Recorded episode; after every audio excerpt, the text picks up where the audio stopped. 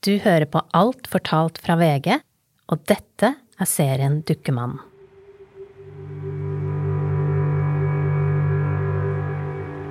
Varhaug var jo veldig opptatt av døden.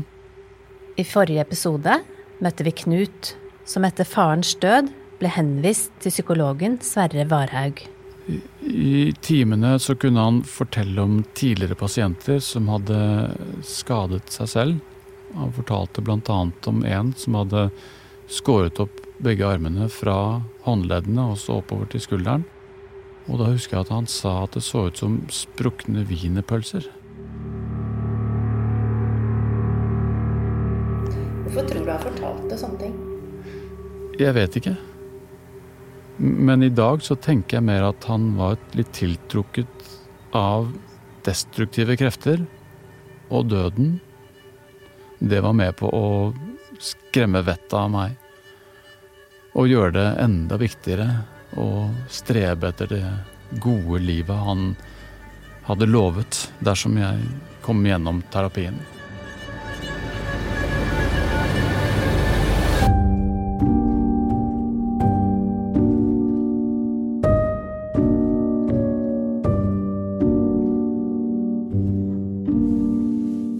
Navn er Monica Flatabø, og jeg jobber i VG.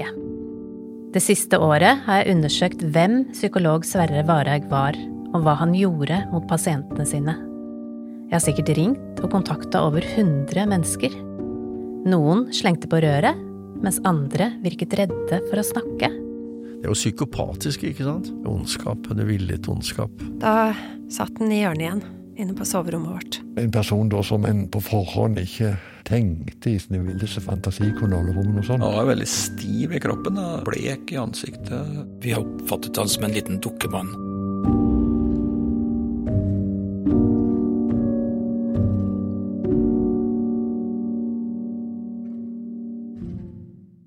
I forrige episode hørte vi om Knut og hvordan han ble manipulert til å tro at faren hans var en overgriper. Vi skal følge Knuts historie videre, for den historien, den er langt fra ferdig. Men først skal vi se nærmere på psykologen, på hvem han var og hvordan han ble en serieovergriper. Og det er det denne episoden skal handle om. Da jeg starter å undersøke, så er noe av det første jeg finner ut, at Varhaug døde i 2014. Han giftet seg aldri og fikk heller ikke barn. Jeg har vært i kontakt med flere i slekta hans. De ønsker ikke å bidra i denne podkasten. Det er kanskje ikke så rart at mange helst vil legge denne historien bak seg. Men Sverre Varhaug, han var ikke hvem som helst. Han var en offentlig ansatt psykolog med betrodde stillinger ved norske sykehus. Til kontoret hans kom sårbare mennesker som trengte hjelp.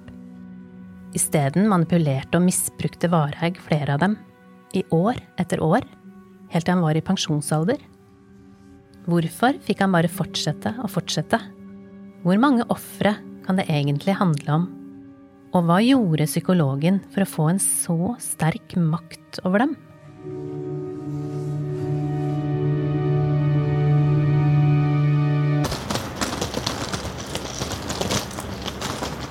Sverre Varhaug får jeg jo naturlig nok ikke snakka med. Men noen av tankene og meningene hans, de fins. I en moderne bygning med glassfasade. Dette er eh, opptak for innsyn på Arkivenes hus i Stavanger. Her, i en diger kjeller, oppbevarer de alt fra offentlige journaler til bilder, filmer og gamle brev. Hei. Jeg kommer fra VG. Jeg har fått eh, innsyn i en avslutta straffesak. Jeg har søkt om å få lese alt de har om Sverre Varhaug, og fått ja. Det betyr at jeg kan få se gamle brev han skrev, politiavhør og rapporter i etterforskningen mot han. Saken på da. Ja. Så dette er jo en spesiell sak. Og så har dere fått tilgang allikevel. Ja. Egentlig er det sånn at ingen får lov til å se disse dokumentene. Men Arkivverket har gjort et unntak fordi de mener det er viktig at denne historien kommer frem på en ordentlig måte. Jeg får utdelt en brun mappe som er ganske tjukk. Det må være flere hundre sider. Og så blir jeg vist inn på et eget rom, der jeg skal få sitte og lese. Supert. Så Takk for hjelpen. ja. ja. Da jeg åpner mappa, slår det mot meg en innestengt lukt av støv. Arkene virker sprø og skjøre, og noen av dem har klistra seg sammen. Enkelte av dokumentene er over 40 år gamle, og det ser ikke ut som noen har sett på dem siden den gang.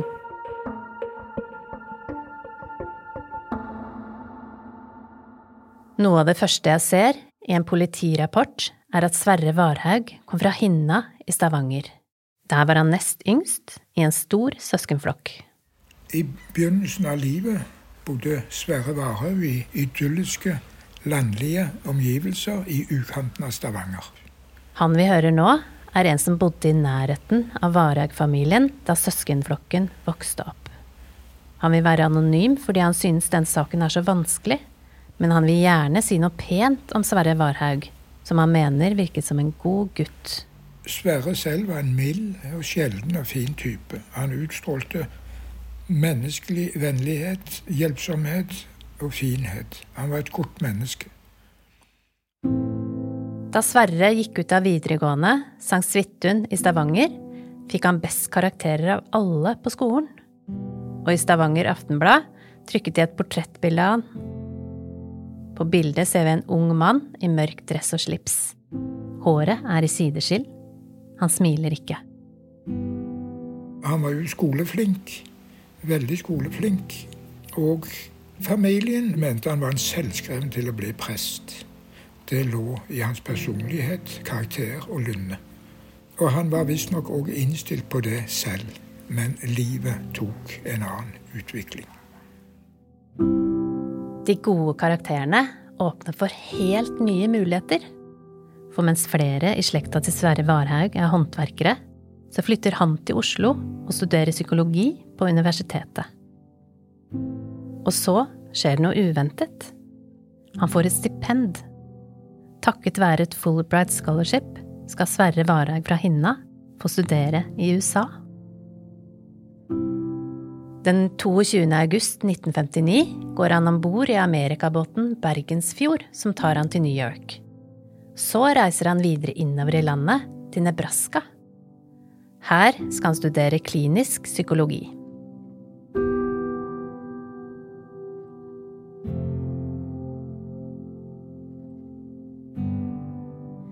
Men hva er det egentlig Sverre Varhaug lærer der borte? I et brev finner jeg spor.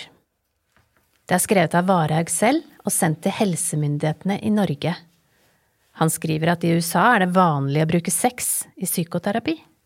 Dette er faktisk så vanlig at det diskuteres på kongresser, skriver han. Det gjør meg nysgjerrig. Var det sånn at sex med pasienter ble sett på som en grei behandlingsform på denne tida? På 60- og 70-tallet oppstår det en debatt i Norge om akkurat det her. Ola Raknes, som var psykoterapeut, får stor oppmerksomhet for behandlingsmetodene sine.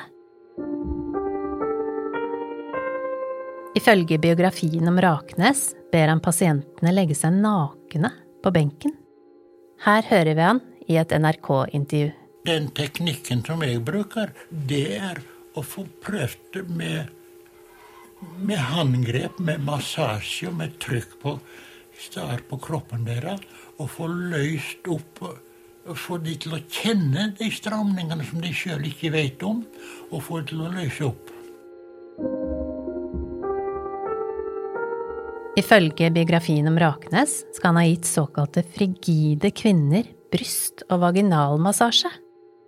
Og han ble enormt populær. Til og med Hollywood-stjernen Sean Connery skal ha kommet til han med potensproblemer. Trenger alle mennesker terapi? Jeg tror alle mennesker som har gått igjennom den vanlige oppdragelsen i vår tid, ville ha godt av terapi. Men dermed vil jeg ikke si at alle trenger det, for det er jo mange, mange som kan greie seg ufeilbare er vi ingen. Og ikke en terapeut heller. Men i motsetning til USA er det mange i Norge som er skeptiske til den såkalte seksualterapien. I et dokument fra 1977 er Norsk psykiatrisk forening krystallklar. Seksuell stimulering av pasienter i terapirommet skal ikke skje i Norge.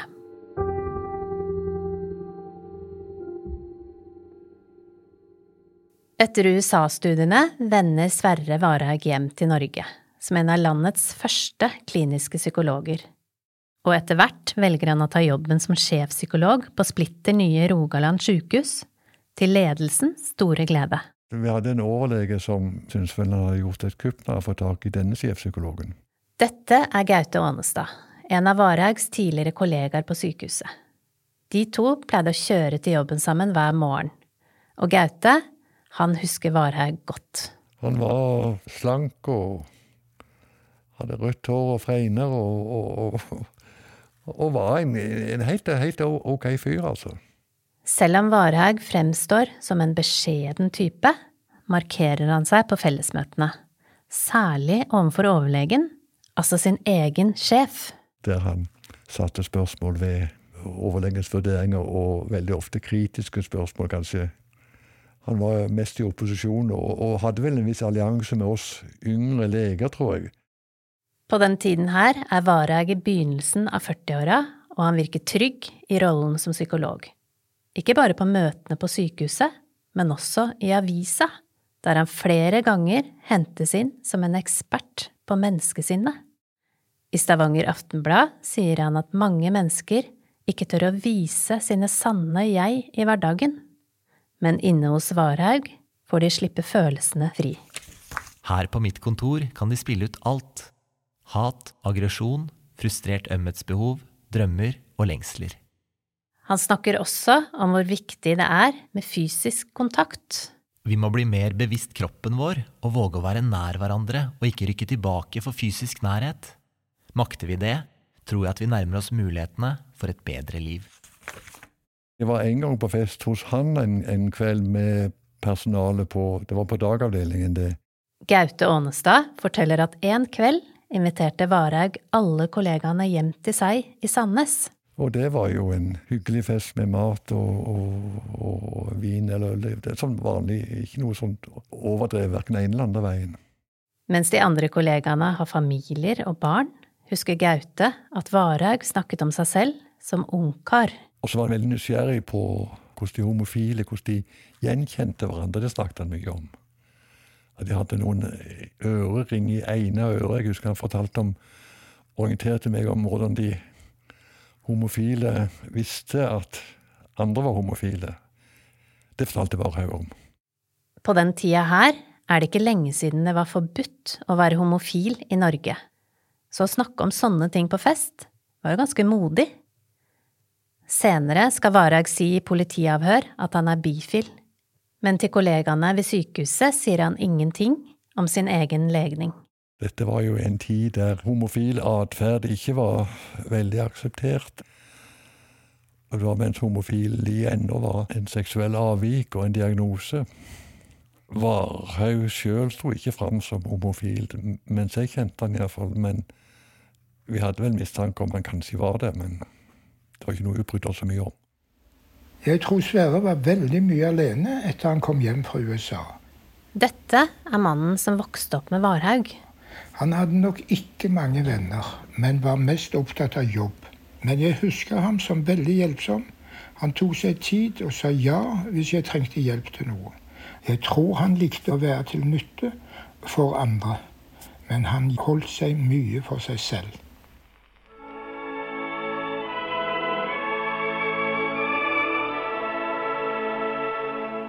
Til pasientene sine forteller Sverre Varhaug at når freden senker seg på lørdagskvelden, liker han å lytte til opera. Særlig setter han pris på sangeren Kaja Eide Norena.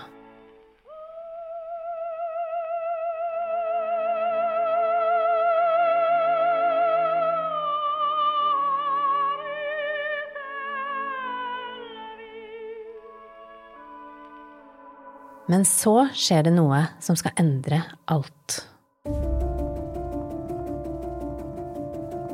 På den tida her er det Helsedirektoratet som har ansvar for å kontrollere at norsk helsepersonell oppfører seg og følger lover og regler. Og nå får direktoratet et brev, datert 20. januar 1976. Og det er skrevet av en av Varhaugs pasienter. Jeg har i lengre tid gått til behandling hos en psykolog. Det er en mann i begynnelsen av 30-åra som begynte i behandling hos Varhaug fordi han følte seg stressa før eksamen. Og bare så det er klart, dette er ikke pasientens stemme. Vi har fått en skuespiller til å lese opp et utdrag. Nå påstår psykologen at den eneste raske måten å få meg frisk på, er ved å få meg helt avhengig av han. Og dette vil han annet få til ved hjelp av sex. Jeg gikk til sist med på det. Han forsøkte også flere ganger å kysse meg.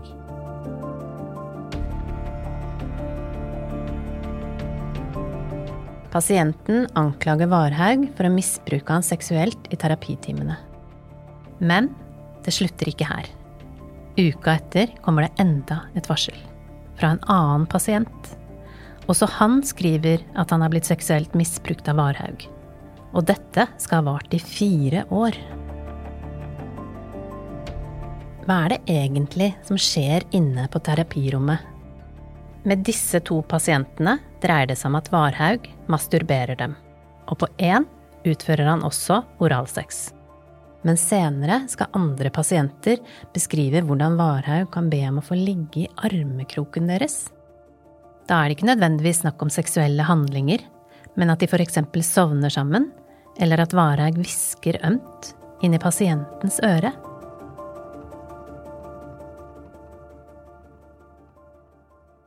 Etter at det er kommet to varsler på kort tid, blir det alvor. Helsedirektoratet kaller Varhaug inn på teppet, og tirsdag 23. mars 1976 er han på plass i Oslo for å forklare seg. Hva tenker Sverre Varhaug denne formiddagen? Jeg har snakket med mannen som tok han imot. Han beskriver Varhaug som sjokkert og forsteinet. Likevel forsvarer Varhaug alt han har gjort. Ifølge referatet fra møtet sier han at seksuelle metoder gjerne kan brukes, så lenge terapeuten ikke blir følelsesmessig engasjert. Det er bare det at i Norge så er ikke det lov. Da han blir konfrontert med det, sier Varhaug at han ikke har vært klar over det. Og så lover han at han aldri skal gjøre det igjen. Varhaug reiser hjem til Stavanger. Han sier ingenting til kollegaene sine om det som har skjedd, og han fortsetter å behandle pasienter. Forstår Varhaug at nettet er i ferd med å snøre seg rundt han? For to pasienter har klaget på behandlingen. De kjenner ikke hverandre, men historiene deres har flere likhetstrekk. Og nå bestemmer Sverre Varhaug seg for å ringe en av dem. Det er en samtale som begynner rolig, men som utvikler seg til å bli ganske dramatisk. Jeg skal forsøke å gjengi hva jeg husker av telefonsamtalen med Varhaug. Det vi hører her, er et brev som pasienten skrev rett etter samtalen og sendte til helsemyndighetene. Han starta først med å si at jeg var dum og ikke visste hva følgene kunne bli. At jeg måtte skrive et brev og si at jeg var litt forvirra, slik at det jeg først hadde skrevet til Helsedirektoratet, bare var oppspinn. Da ville han lett kunne vri seg ut av denne situasjonen. Dette nekta jeg. Så begynte han å true. Dette kom til å bli den store skandalen og førstesidesoppslag i Dagbladet. Han hadde engasjert advokat som kom til å plukke meg i små biter. Jeg spurte han da om jeg sto helt alene i denne saken, hvilket han sa at jeg gjorde. Og når denne saken var ferdig, ville jeg være totalt knekt og helt skandalisert.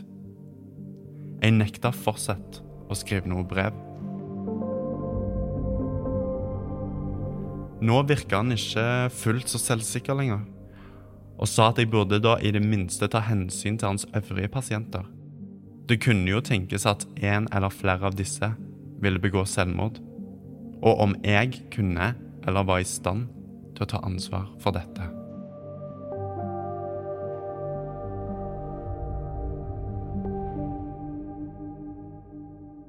Pasienten står på sitt og nekter å trekke klagen.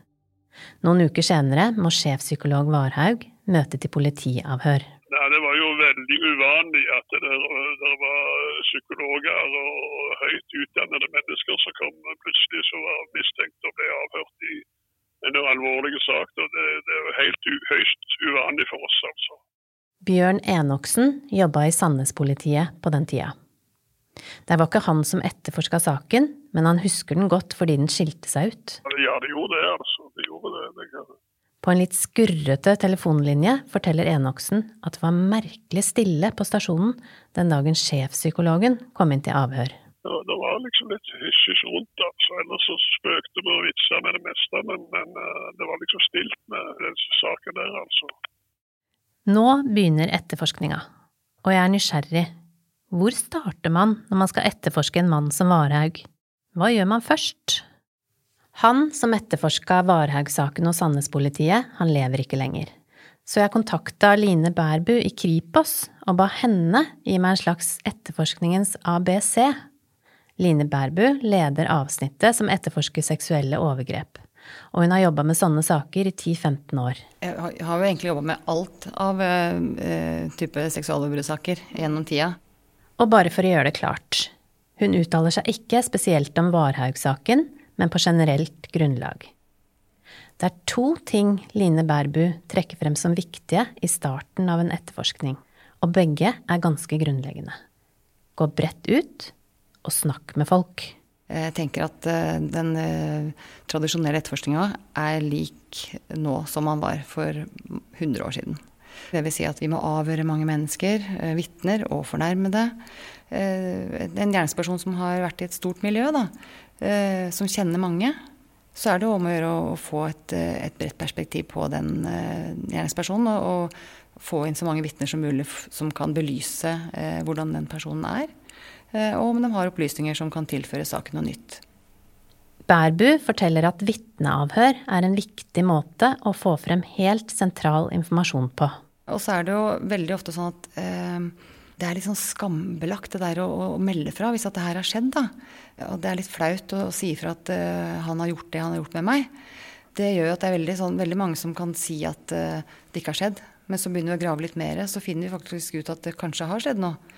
Og da er det jo vitneavhør som er det, den beste måten å få fram det her på. Så det å snakke med folk, det er viktig? Det er politiet sin jobb. Å snakke med folk. Ja. Og i Varhaug-saken får politiet en gavepakke. For Sverre Varhaug forteller at han har 25 faste pasienter, og han tilbyr å gi fra seg en liste med navnene på alle sammen til politiet. Her får politiet altså 25 sentrale vitner som de har muligheten til å kontakte. Sommeren 1976 er rekordvarm i Norge. Mens folk flest bader og ligger på stranda, så skriver Varhaug testamentet. Han leier ut huset sitt, og så tar han ut 60 000 kroner i cash, noe som tilsvarer rundt 300 000 i dag. Til sist skriver han et brev til overlegen på sykehuset, der han sier opp på dagen. Jeg syns hele saken er for absurd, og har etter lang betenkning bestemt meg for å reise bort. Jeg vil ganske enkelt ikke la meg utsette for dette. Uansett utfallet av en slik rettssak er man mer eller mindre ødelagt, da det nødvendige tillitsforhold mellom meg og betjening pasienter vil være undergravd. Jeg beklager dypt at jeg svikter pasientene mine på denne måten, men i denne situasjonen vil jeg likevel ikke kunne være til særlig hjelp for dem. Jeg håper at de av pasientene som kommer til avdelingen for hjelp, vil bli møtt med velvilje. Jeg er meget lei for å avslutte forholdet til dere slik, men finner dette den minst smertefulle måten for oss alle. Takk for meg. Han sender brevet, og så forsvinner han og ingen vet hvor sjefpsykolog Sverre Varhaug har reist. Og noen måneder etter at han blir borte, så stanses etterforskningen på ubestemt tid. Sjokket var jo at han forsvant, altså, og, og ingen visste hvor han var henne. Politiet visste ikke heller hvor han var henne. Gaute Ånestad var Varhaugs kollega på sykehuset. Han forteller at Varhaugs pasienter blir kalt inn til et møte fordi legene på avdelingen vil ta vare på dem. Og vi var veldig overraska over hvem det var. Altså, vi så det, Jeg kalte det disse dongerikledde unge menn, altså stort sett menn iallfall under 35, vil jeg tro, stort sett. Ånestad forteller at pasientene var så like. De var alle unge, pene menn kledd i olabukser. Det var en annen pasientgruppe enn en vi andre hadde. Og da, da visste de vel òg at det var, var homofile eh, overgrep han hadde gjort. Hva tenkte du? Ja, jeg syntes jo det var ille, men eh, det var veldig rart at vi ikke hadde fått tak i dette før, på en måte. Det tenkte jeg vel. Og jeg lurte på hvordan sånn kunne foregå i avdelingen uten at noen av oss ante uråd eller, eller skjønte det var noe galt. Men siden var det særlig én ting som ga mening for Ånestad. Det røde lyset som signaliserte ikke kom inn. Det var alltid tent utenfor Varhaugs kontor. Vi andre hadde brydd oss ikke så mye, men Varhaug hadde alltid rødt lys på. Det første livstegnet fra Sverre Varhaug kommer ett og et halvt år senere. Da dukker han plutselig opp i Arendal og har fått seg en ny jobb. Det er Agderposten som kommer med nyheten til innbyggerne sine. Den ledige stillingen som skolepsykolog er besatt. En ny mann skal ta vare på den psykiske helsa til ungdommer i fylket, og det er 50 år gamle Sverre Varhaug som har fått jobben. Det her virker jo litt rart. Varhaug har vært på flukt fra politiet i ett og et halvt år, og så søker han og får en ny offentlig betrodd stilling. Grunnen til at det i det hele tatt er mulig, er at han faktisk har papirene i orden. Han har fremdeles autorisasjon som psykolog.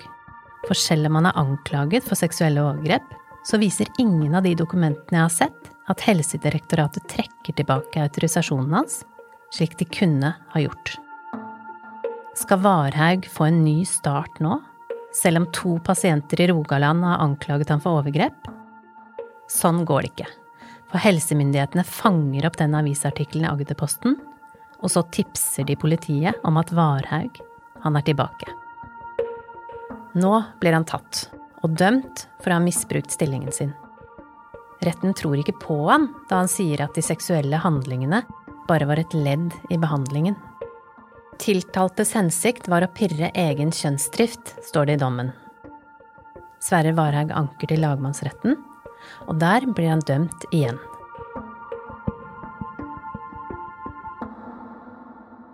Men straffen settes til seks måneders betinget fengsel.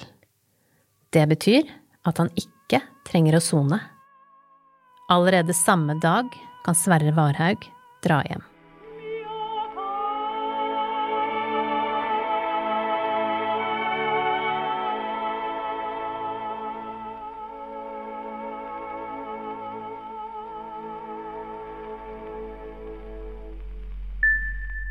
Se for deg et kart, der politiets jobb er å plotte inn alle Varhaugs potensielle ofre som røde punkter. Nå har de markert to punkter på kartet, nemlig de to pasientene som varslet om misbruk, og som Varhaug er dømt for overgrep mot. Men så avslutter politiet etterforskningen. De sier seg ferdige med jobben. Men det kartet her, det er ikke ferdig. For Sverre Varhaug, han hadde jo 25 faste pasienter. Det har han sagt til politiet, og han ville til og med gi dem en liste med alle navnene. Jeg vet ikke om etterforskerne noen gang fikk den lista, det står det ingenting om i rapportene. Men det som kommer tydelig frem der, er at ytterligere fem pasienter forteller legene sine at de også har opplevd overgrep eller ubehagelige situasjoner i terapirommet til Sverre Varhaug altså fem nye mulige ofre. Men her støter politiet på et problem. For pasientene sier til legene på sykehuset at de er redde. De tør ikke snakke med politiet. Hvis det da er et vitne som vegrer seg for å snakke med dere, mm. kan du si noe om hva dere gjør da? Line Bærbu i Kripos. Det blir jo å prate med dem og trygge dem. Det er jo den tryggheten man ønsker, da. Jeg tenker at veldig mange forstår ansvaret sitt da, når det, når det blir forklart hva de faktisk eh, skal fortelle om. Ifølge Bærbu er det viktigste å få kontakt, gjerne i en telefonsamtale før selve avhøret, der politiet forbereder dem på hva som skal skje. Og at eh, man faktisk har et, eh, et, ansvar, et samfunnsansvar også. Det her kan være med på å stoppe en potensiell gjerningsperson til å gjøre det med flere. Og det er jo noe man kan forklare litt bedre når man sitter og snakker med dem. Så det er jo den, det å skape et trygt miljø for avhør, det bruker vi mye tid på. Viktig del av etterforskninga. Veldig viktig del. Men politiet i Sandnes, de snakker aldri direkte med pasientene. Jeg finner ingen spor i politirapportene om at de ber om å få ut pasientlistene fra sykehuset. Heller ikke at Varhags pasienter blir kalt inn til en samtale eller avhør. I den siste rapporten konkluderer etterforskeren med at han vanskelig kan se hva mer som kan gjøres i saken. Og dermed så kommer de her pasientene aldri med på kartet. De blir ikke de røde prikkene som til sammen kunne vist et mønster. At her har vi med en serieovergriper å gjøre. Isteden så forsvinner de ut av kartet og saken for godt.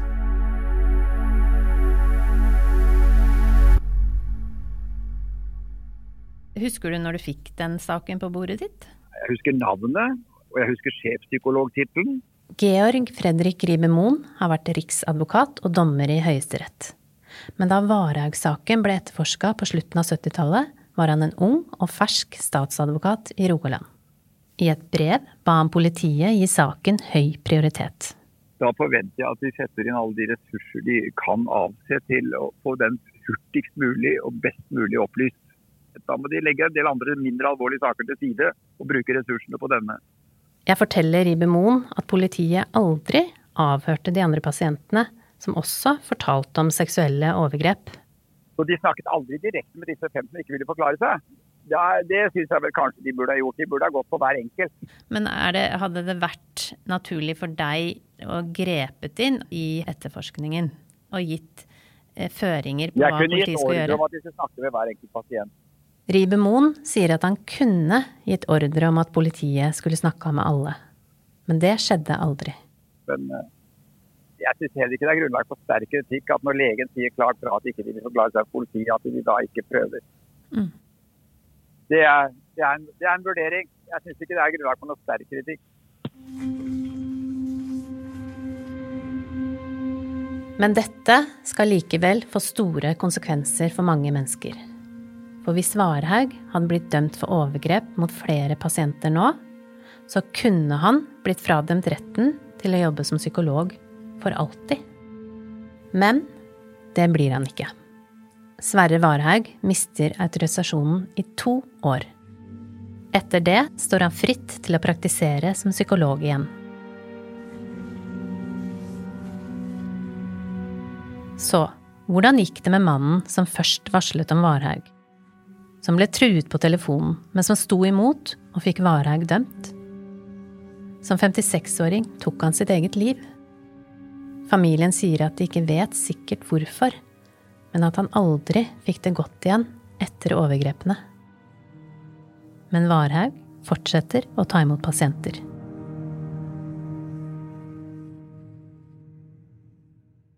Året er 1983. En ny psykolog som ikke har praktisert på flere år, har åpnet privat klinikk i Oslo. På kontoret er det et enkelt, lyst skrivebord, to stoler og en benk. Denne februardagen har psykologen fått henvist en ny pasient. En ung mann som sørger over sin døde far, skal ha sin aller første time. Det er Knut. Jeg hilste på Varhaug, og vi satte oss ned hver på vår side av skrivebordet. Han sa jo at du har nok en søt, liten klassisk nevrose. Og det Det skremte meg. Eh, for da, da heftet det jo noe ved meg. Da var jeg ikke som de andre. Og han forteller meg at han var jo den eneste som kunne hjelpe meg. Og hans metode kan få meg ut av dette uføret.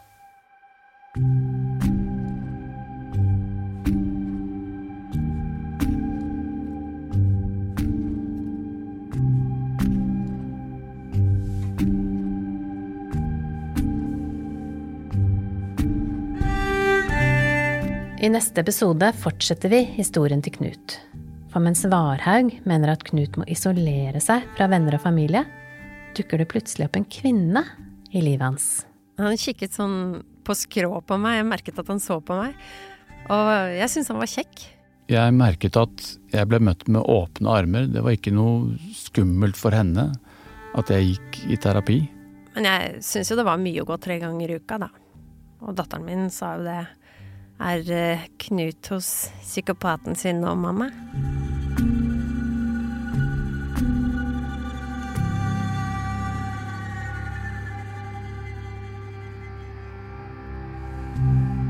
Dukkemannen er laget av meg, Monica Flatabø og VG i samarbeid med Svarttrost. Etter å ha jobba med dette, så tror jeg at det er flere ofre der ute. Hvis du vet noe om denne saken, så vil jeg gjerne høre fra deg. Så vi har satt opp et telefonnummer der du når som helst kan legge igjen en beskjed. Nummeret er 936 85 275. Og du kan også sende oss en e-post på dukkemannen at vg.no. Produsent og lyddesign av Sindre Leganger. Dramaturg er Benjamin Ree, og konsulenter Kristine Hellesland, Emilie Halltorp og Jane Tronsen. Sluttmiks ved Ronny Furevik. Reportasjeledere er Svein Kjølberg, Synnøve Aasebø og Anne Skjot Knutsen. Og redaktør er Gard Steiro. Tusen takk til NRK for arkivstoff om Ola Raknes. Hvis du vil vite mer om han, kan du lese biografien Ord og orgasme skrevet av Jan Olav Gatland. Og også takk til Sondre Helgesen, som leste opp brev fra Varhaugs pasient. Knuts sitater leses av Kristoffer Steib, og er ordrett det samme som Knut har fortalt i intervjuer med meg.